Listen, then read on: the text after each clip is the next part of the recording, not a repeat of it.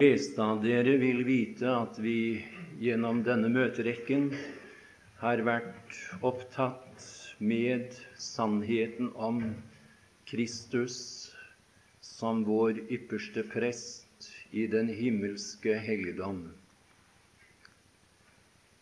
Jeg kan nevne for deres del, som ikke har vært i, vårt, i våre møter tidligere, at vi har betraktet spesielt forholdet mellom Aron som ypperste prest og Melkisedek som ypperste prest. Altså disse to gammeltestamentlige typer eller forbilder på Kristus. Og som vi allerede har hørt, så var vi litt inne på det i går aftes med ypperste prestens kledning. Hans drakt da han utførte den daglige tjeneste, ikke på den store forsoningsdagen, men da han utførte den daglige tjeneste i helligdommen, i tabernakelet. Jeg tenkte egentlig, eh, siden vi berørte dette med domsbrystduken i går, at jeg skulle si litt om Urim og Tumim. Det er jo meget interessant, og jeg tror det skjuler seg en lærdom her som eh, vi burde se og erkjenne i våre liv. Imidlertid så har mine tanker i dag, siden formiddagsmøtet spesielt, og det var også et møte i uken som bidro til at mine tanker gikk i en litt annen retning. Det var forresten en høytidsstund i dag, må jeg få lov å si det, når det er så vidt mange her. Det er sjelden jeg har opplevd for mitt vedkommende en så hellig stund som da vi var innenfor Herrens åsyn i formiddag og brøt brødet, drakk av kalken, til ihukommelse av Ham, vår dyrebare Frelser.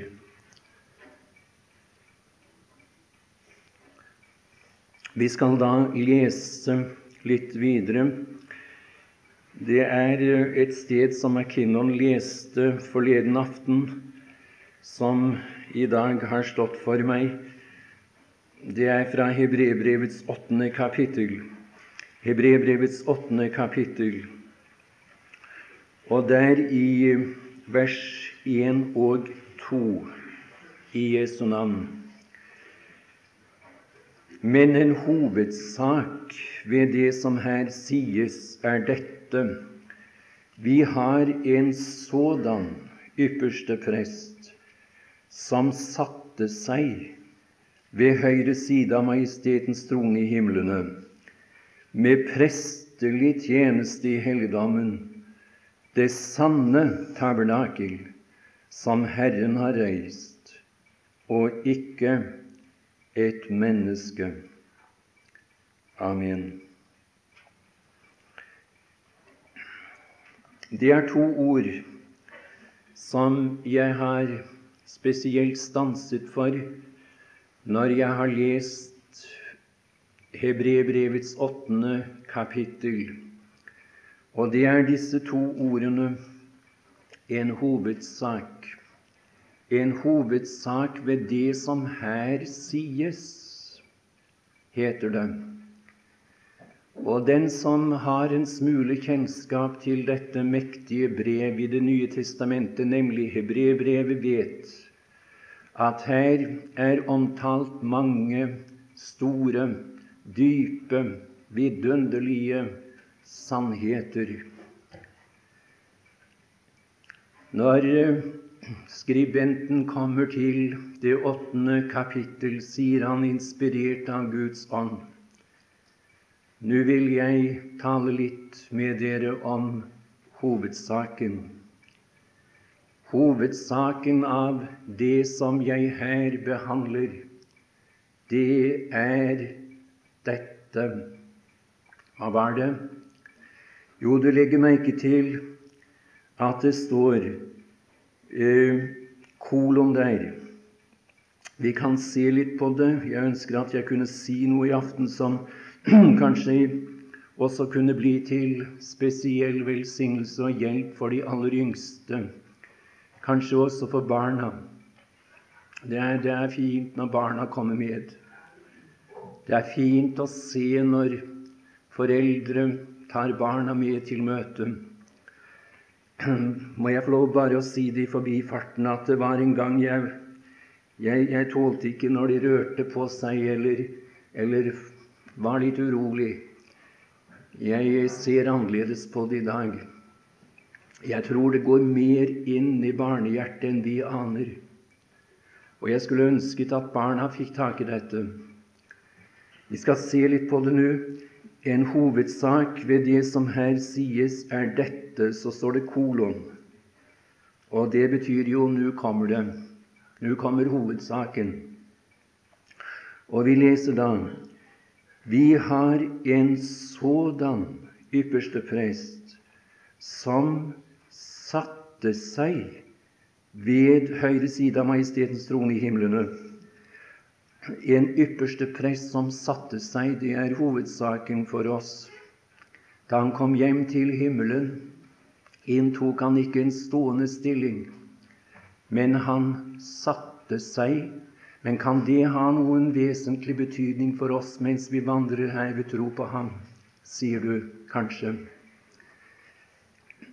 Ja, jeg må da understreke på nytt det er en hovedsak, og personlig må jeg legge til det er en hovedsak i mitt liv som troende.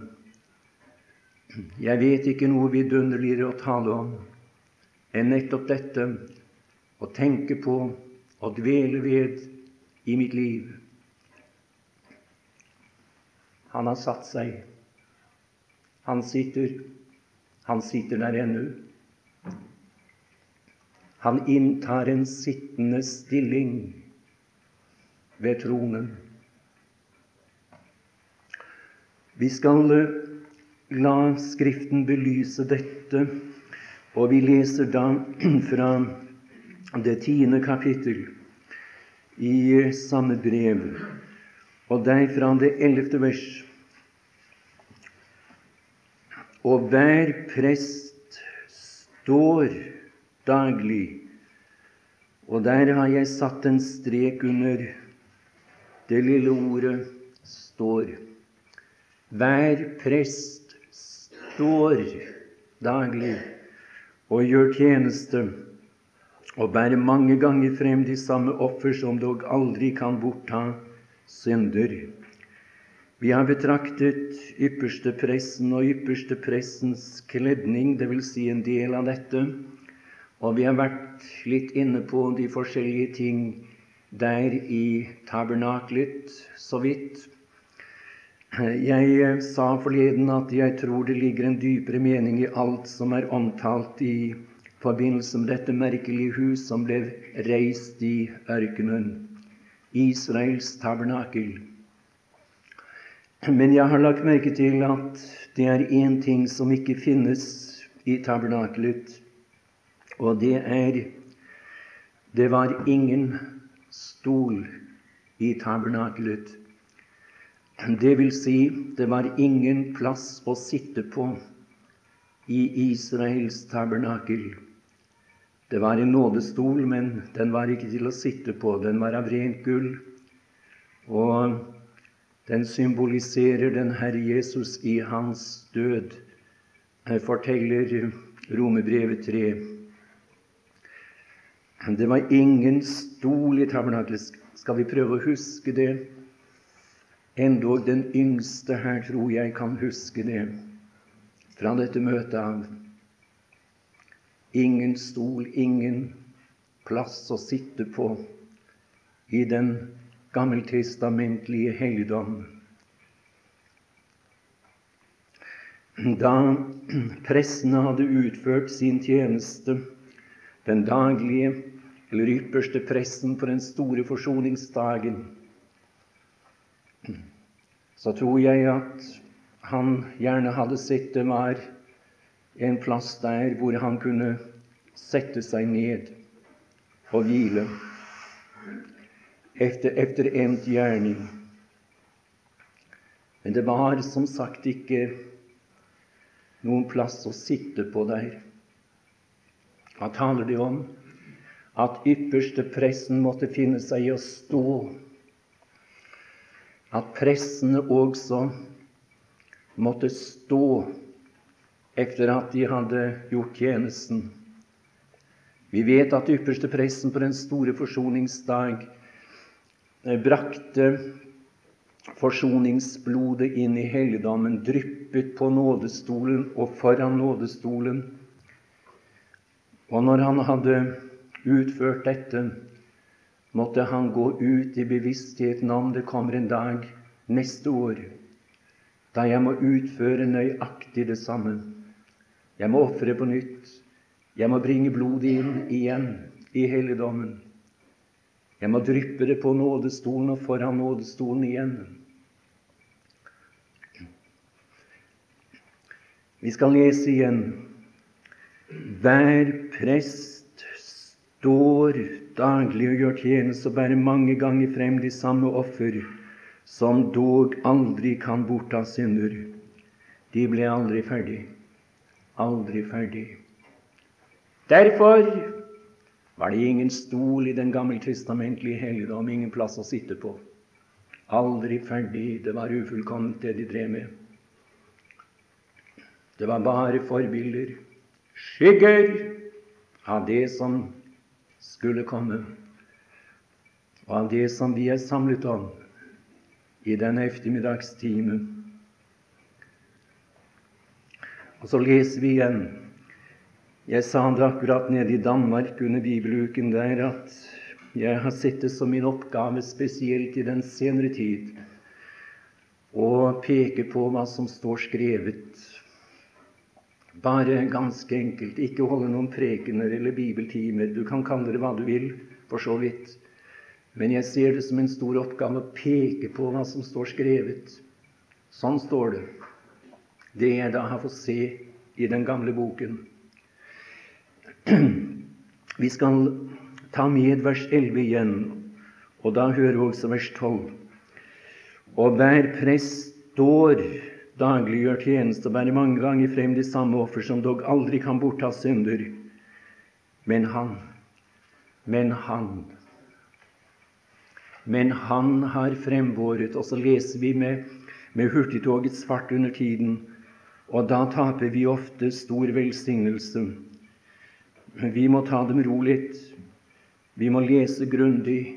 Vi må fordype oss i det, bli stille for dem. Men han har frembåret et offer for synder. Nei, det står ikke det. Det står ikke at han har frembåret et offer for synder. Men legg merke til det, vi skal stave det nå. Men han har frembåret ett. Ett! ETT ett i forhold til eller i motsetning til de mange offer som ble brakt tidligere i tabernaklet, i tempelet. Han har frembåret ett offer for synder.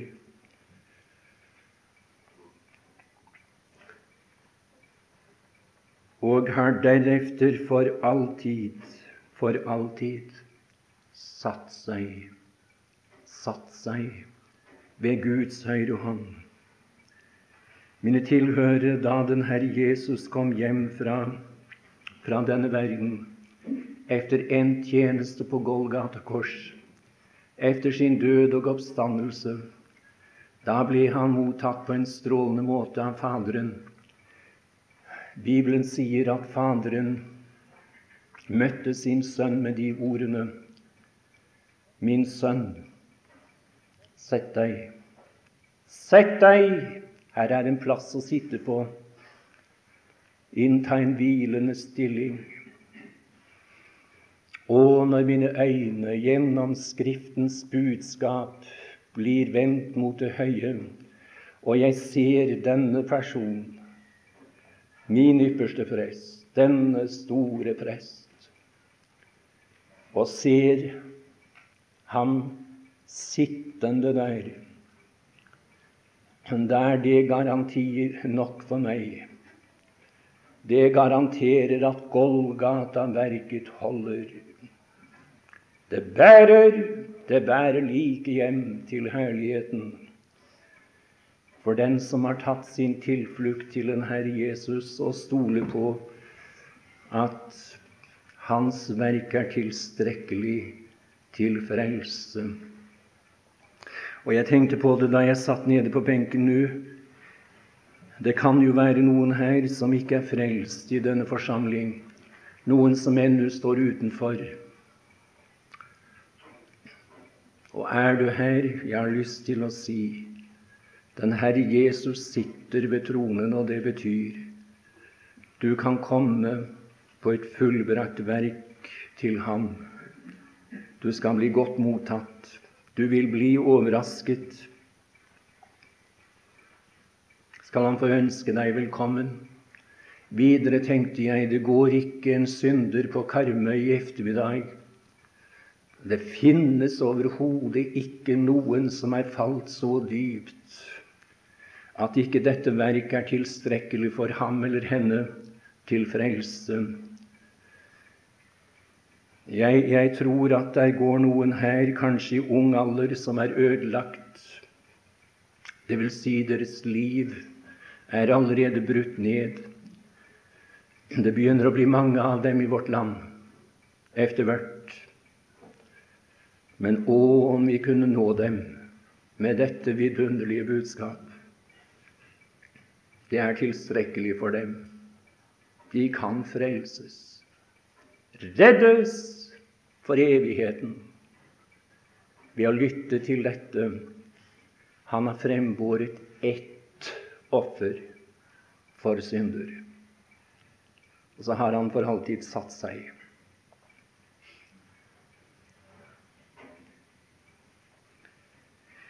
Men det var en ting til her, nemlig det som står i det annet vers. Eh, der leste vi Han har satt seg ved majestetens trone i himmelen, himlene med prestelig tjeneste i helligdommen, det sanne tabernakel som Herren har reist, og ikke et menneske. Han sitter ikke der uvirksom. Han, han sitter ikke med hendene i skjødet. Nei, han er i aktivitet, han er i virksomhet der hjemme ved tronen. Han har satt seg der, står det, med prestelig tjeneste. Hans forsoningstjeneste er endt. Men han har opptatt en ny tjeneste ved tronen. Han er i virksomhet der. For deg, for meg. Og hva går hans tjeneste ut på? Bibelen sier bl.a. at hans virksomhet i himmelen i dag går ut på å be for sine. Han ber for sine. Jeg vet knapt nok noe som, som jeg setter så stor pris på som nettopp det at jeg har noen som ber for meg. Jeg har noen forbedre rundt om. Jeg vet det. Jeg vet at det er noen som nevner mitt navn for tronen når de taler med Herren. Det er vidunderlig, det.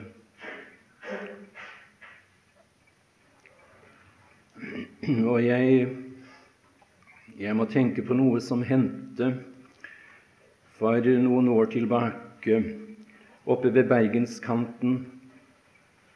Fikk oppleve en gjennomgripende vekkelse der. Det var mange, spesielt unge ektepar, som ga sitt liv til Herren, som ble frelst.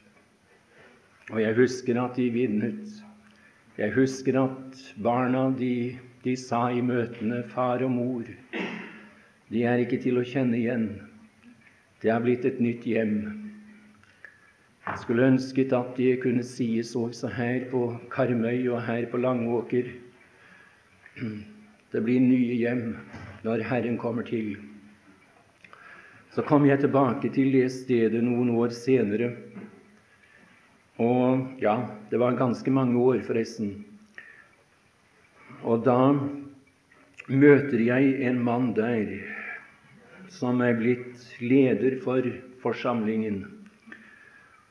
Og så sier han idet jeg hilser på ham jeg må, jeg må fortelle deg at hver eneste dag, hver eneste dag siden den nattetimen du ledet meg til Kristus der hjemme ved kjøkkenbenken, har jeg husket deg i bønn.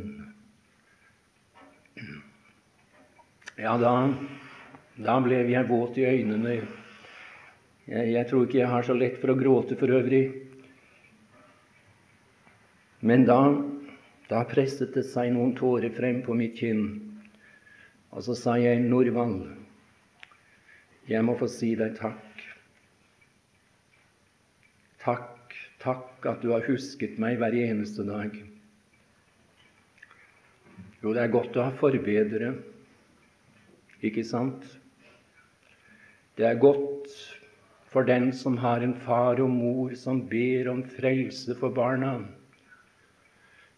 Og det er godt for den troende at det er noen som husker ham eller henne, at vi husker hverandre for tronen.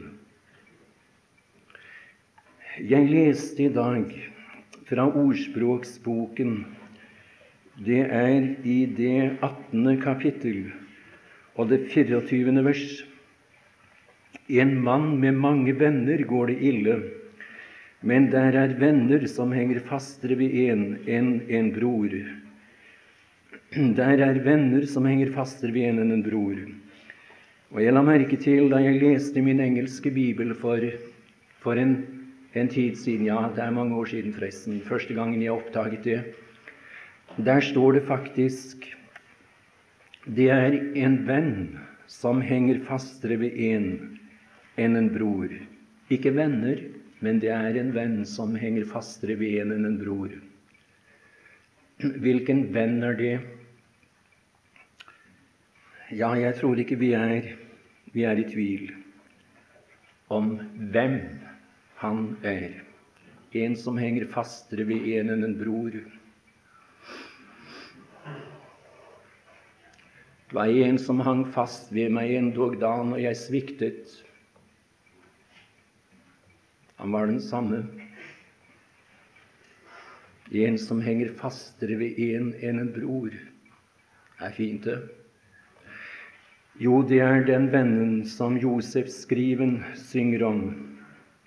Han sier 'hvilken venn'. Det er vel en av de, de mest kjente sanger og mest, de som er mest sunget i den engelsktalende verden, vil jeg tro. Hvilken venn vi har i Jesus. Vi må synge den i dag. Vi må synge denne dag. Hvilken venn vi har i Jesus, alt han vet og alt formår. Tyngste byrde. Du har noen byrder, jeg har mine. Å, hvor godt at det er slik.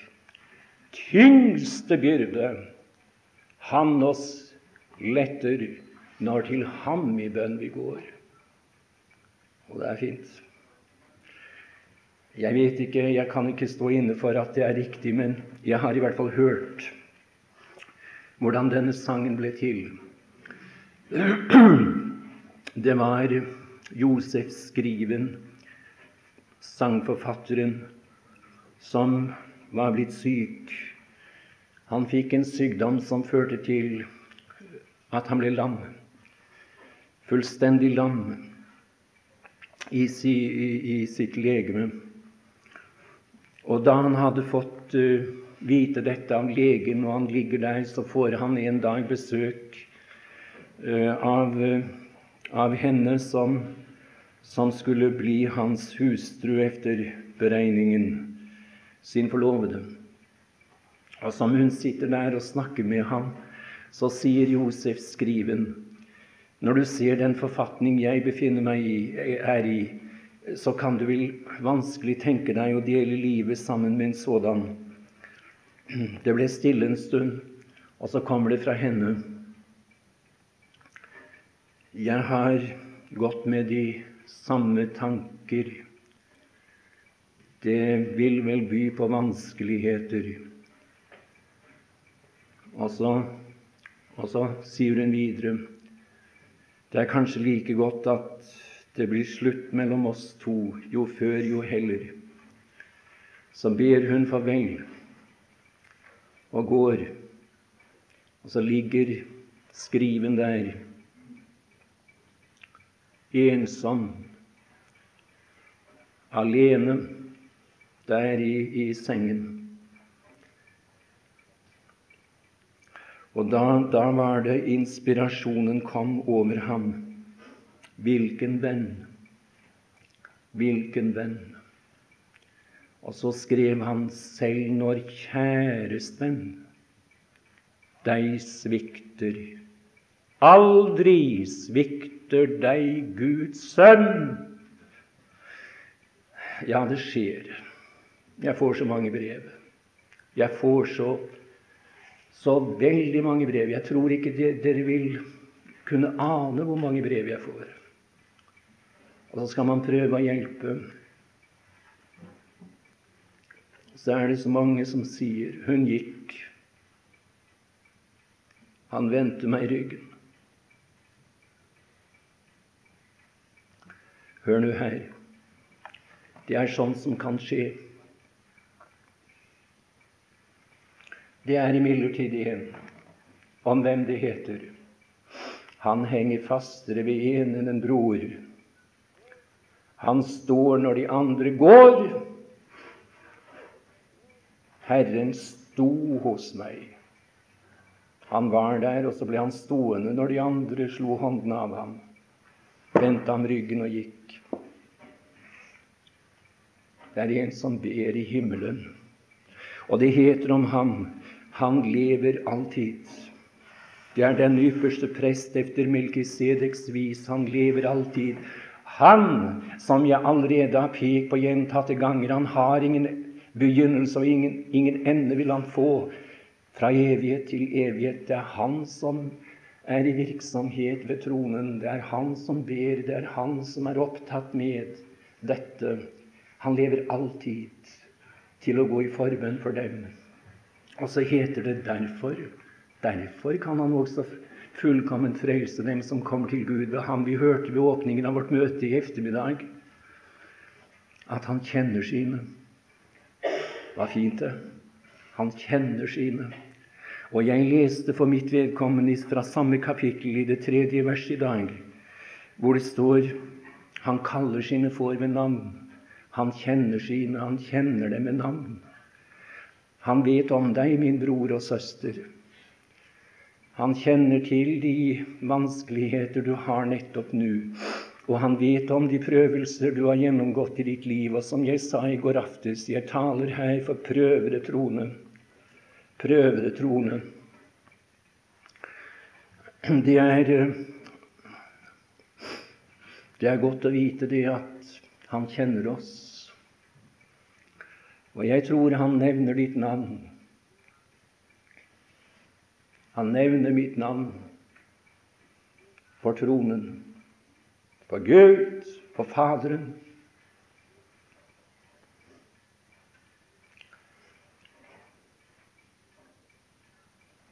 Hva tror du det var som gjorde at du kom igjennom disse hårde prøvelser?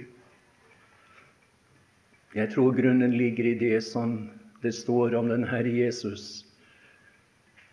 Det står, eller eh, som han selv sier til Peter, 'Jeg ba for deg'. Jeg ba for deg at din tro ikke måtte svikte. Ja, du forunderlige Gud, som har innsatt en sådan ypperste prest ved din høyre hånd. Å, jeg gleder meg til å komme hjem. Og da skal jeg se at årsaken til at jeg ble frelst igjennom fristelser og prøvelser og alt dette som måtte møte meg i denne verden, at han fikk meg hjem, det, Det lå nettopp i dette.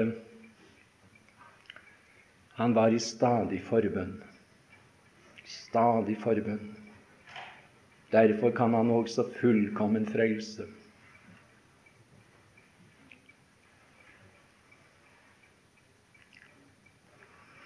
Og jeg vil ta med en tanke til der når det gjelder Kristi ypperste prestelige tjeneste, og det er fra 1. Johans brev, det annet kapittel, og vers 1 og 2. Mine barn Det er så fint når det begynner slik, synes jeg der, når du tenker på hva han behandler i dette tilfellet. Mine barn, dette skriver jeg til eder for at de ikke skal synde. Og det skal vi la Guds ånd legge på våre hjerter i ettermiddag. Det er skrevet til oss for at vi ikke skal synde. Det er det siste jeg vil gjøre som en troende. Som et barn av Gud, mine barn. Dette skriver jeg til eder for at de ikke skal synde. Det er det siste jeg vil gjøre. Ja, jeg kan ikke gjøre det. Jeg kan ikke gjøre synd. Jeg kan ikke praktisere synd. Jo da, ikke bli nervøs. Jeg, jeg, vet at jeg så ofte er blitt overlistet, at jeg har falt, at jeg har snublet og forgått meg. Jeg vet det. Og dessverre, det det hender også i ens eget hjem at man forgår seg. Jeg tror du kjenner deg igjen. Men da gråter jeg, da gråter jeg når jeg bøyer mine kne i enram og sier det er en det er en lite verdig representant du har her. Å gjøre synd. Nei. Nei, jeg fikk det i fødselsgave da jeg ble født på ny, som vi hørte her, da jeg fikk en ny natur, en guddommelig natur. Da fikk jeg lyst til å leve for ham. Og jo mer jeg har lært ham å kjenne, jo mer har jeg fått lyst til å gi ham mitt liv. Det har gått den veien og det vil gå den veien. Mine barn, dette skriver jeg til dere for at dere ikke skal synde. Og så står det ikke, merk nå, og når, men det står om. Ikke når, ikke når noen synder. Nei, for det er ikke normalt, det. Nei, Vi kan ikke unnskylde oss med det. Det er normalt at jeg skal synde. Jeg har inntrykk av at det er slik det prekes. Vi skal synde, vi kan ikke annet. Men så kan vi da krype til korset og få nåde. Det er der de fleste Ja, det er der mange i vårt land lever. Det er det forkynnelsen går ut på. Jeg tar ikke en tøddel tilbake av det jeg sier her. Nei, ikke når men om. Om noen synder. Hva da? Om det skulle skje, ja, da, da står det ikke her Da takker han for selskapet. Da er han ferdig med deg. Da er helvete åpent. Og kan du ha det så godt når du har stelt deg på denne måte. Nei, dette er, dette er stort, godtfolk, det som står her. Mine barn, dette skriver jeg til for at de ikke skal synde, og om noen synder, da Ja, jeg tror ikke det er tidskonjunksjon, dette, men eh, det er synonymt med 'så har vi'. Da har vi. Så har vi. Så vidt jeg Ja, jeg er ikke noen språkekspert, men så langt jeg kan se, så er det betydningen her. Da har vi en talsmann, ikke hos Gud. Jo da, han er hos Gud, men det gjelder barna. Og derfor står det 'hos Faderen'. Hos Faderen. Og han er en soning for våre synder. Betyr det at han bringer offer i dag i helligdommen? Og langt ifra. Det ene offer er fullt gyldig for all tid. Han skal aldri reise seg for å bringe et nytt offer for synd. Han skal reise seg en dag, men da går han ut i et annet ærend. Da er det for å ta imot bruden, menigheten, forsamlingen. Da har vi en talsmann hos Faderen, Jesus Kristus den rettferdige, og han er en soning. Og det er han i kraft av Golgata-verket. Han er det, sa vi. En soning for våre synder, dog ikke bare for våre, men òg for hele verden. Ja, vår Gud, vi takker deg fordi vi har en sådan ypperste prest. Og jeg takker deg for hva det har betydd for meg i mitt liv, hva det har betydd i lyse dager, hva det har betydd når mørket senket seg over min sjel. Å Herre, jeg takker deg fordi at det er enstemmig, dette vitnesbyrd fra oss som hører deg til. Du har vært god, du har vært trofast. Du har aldri kunnet skuffe. Og Derfor har vi så lyst til i ettermiddag å anbefale deg for noen som ennå ikke er frelst. Kron dette møtet med en synders frelse. La oss få se noen på kne for deg. Det er det fineste syn. Å Herre, må det være en eller annen som rives ut, og som kan bli som kan bli en stjerne i ditt diadem gjennom alle evigheter. En juvel, en edelsten. Det er det du har gjort oss til, så mange som hører deg til. Takker jeg deg for den nåde du har skjenket i våre møter. Takk for din ånd som har rådet. Amen.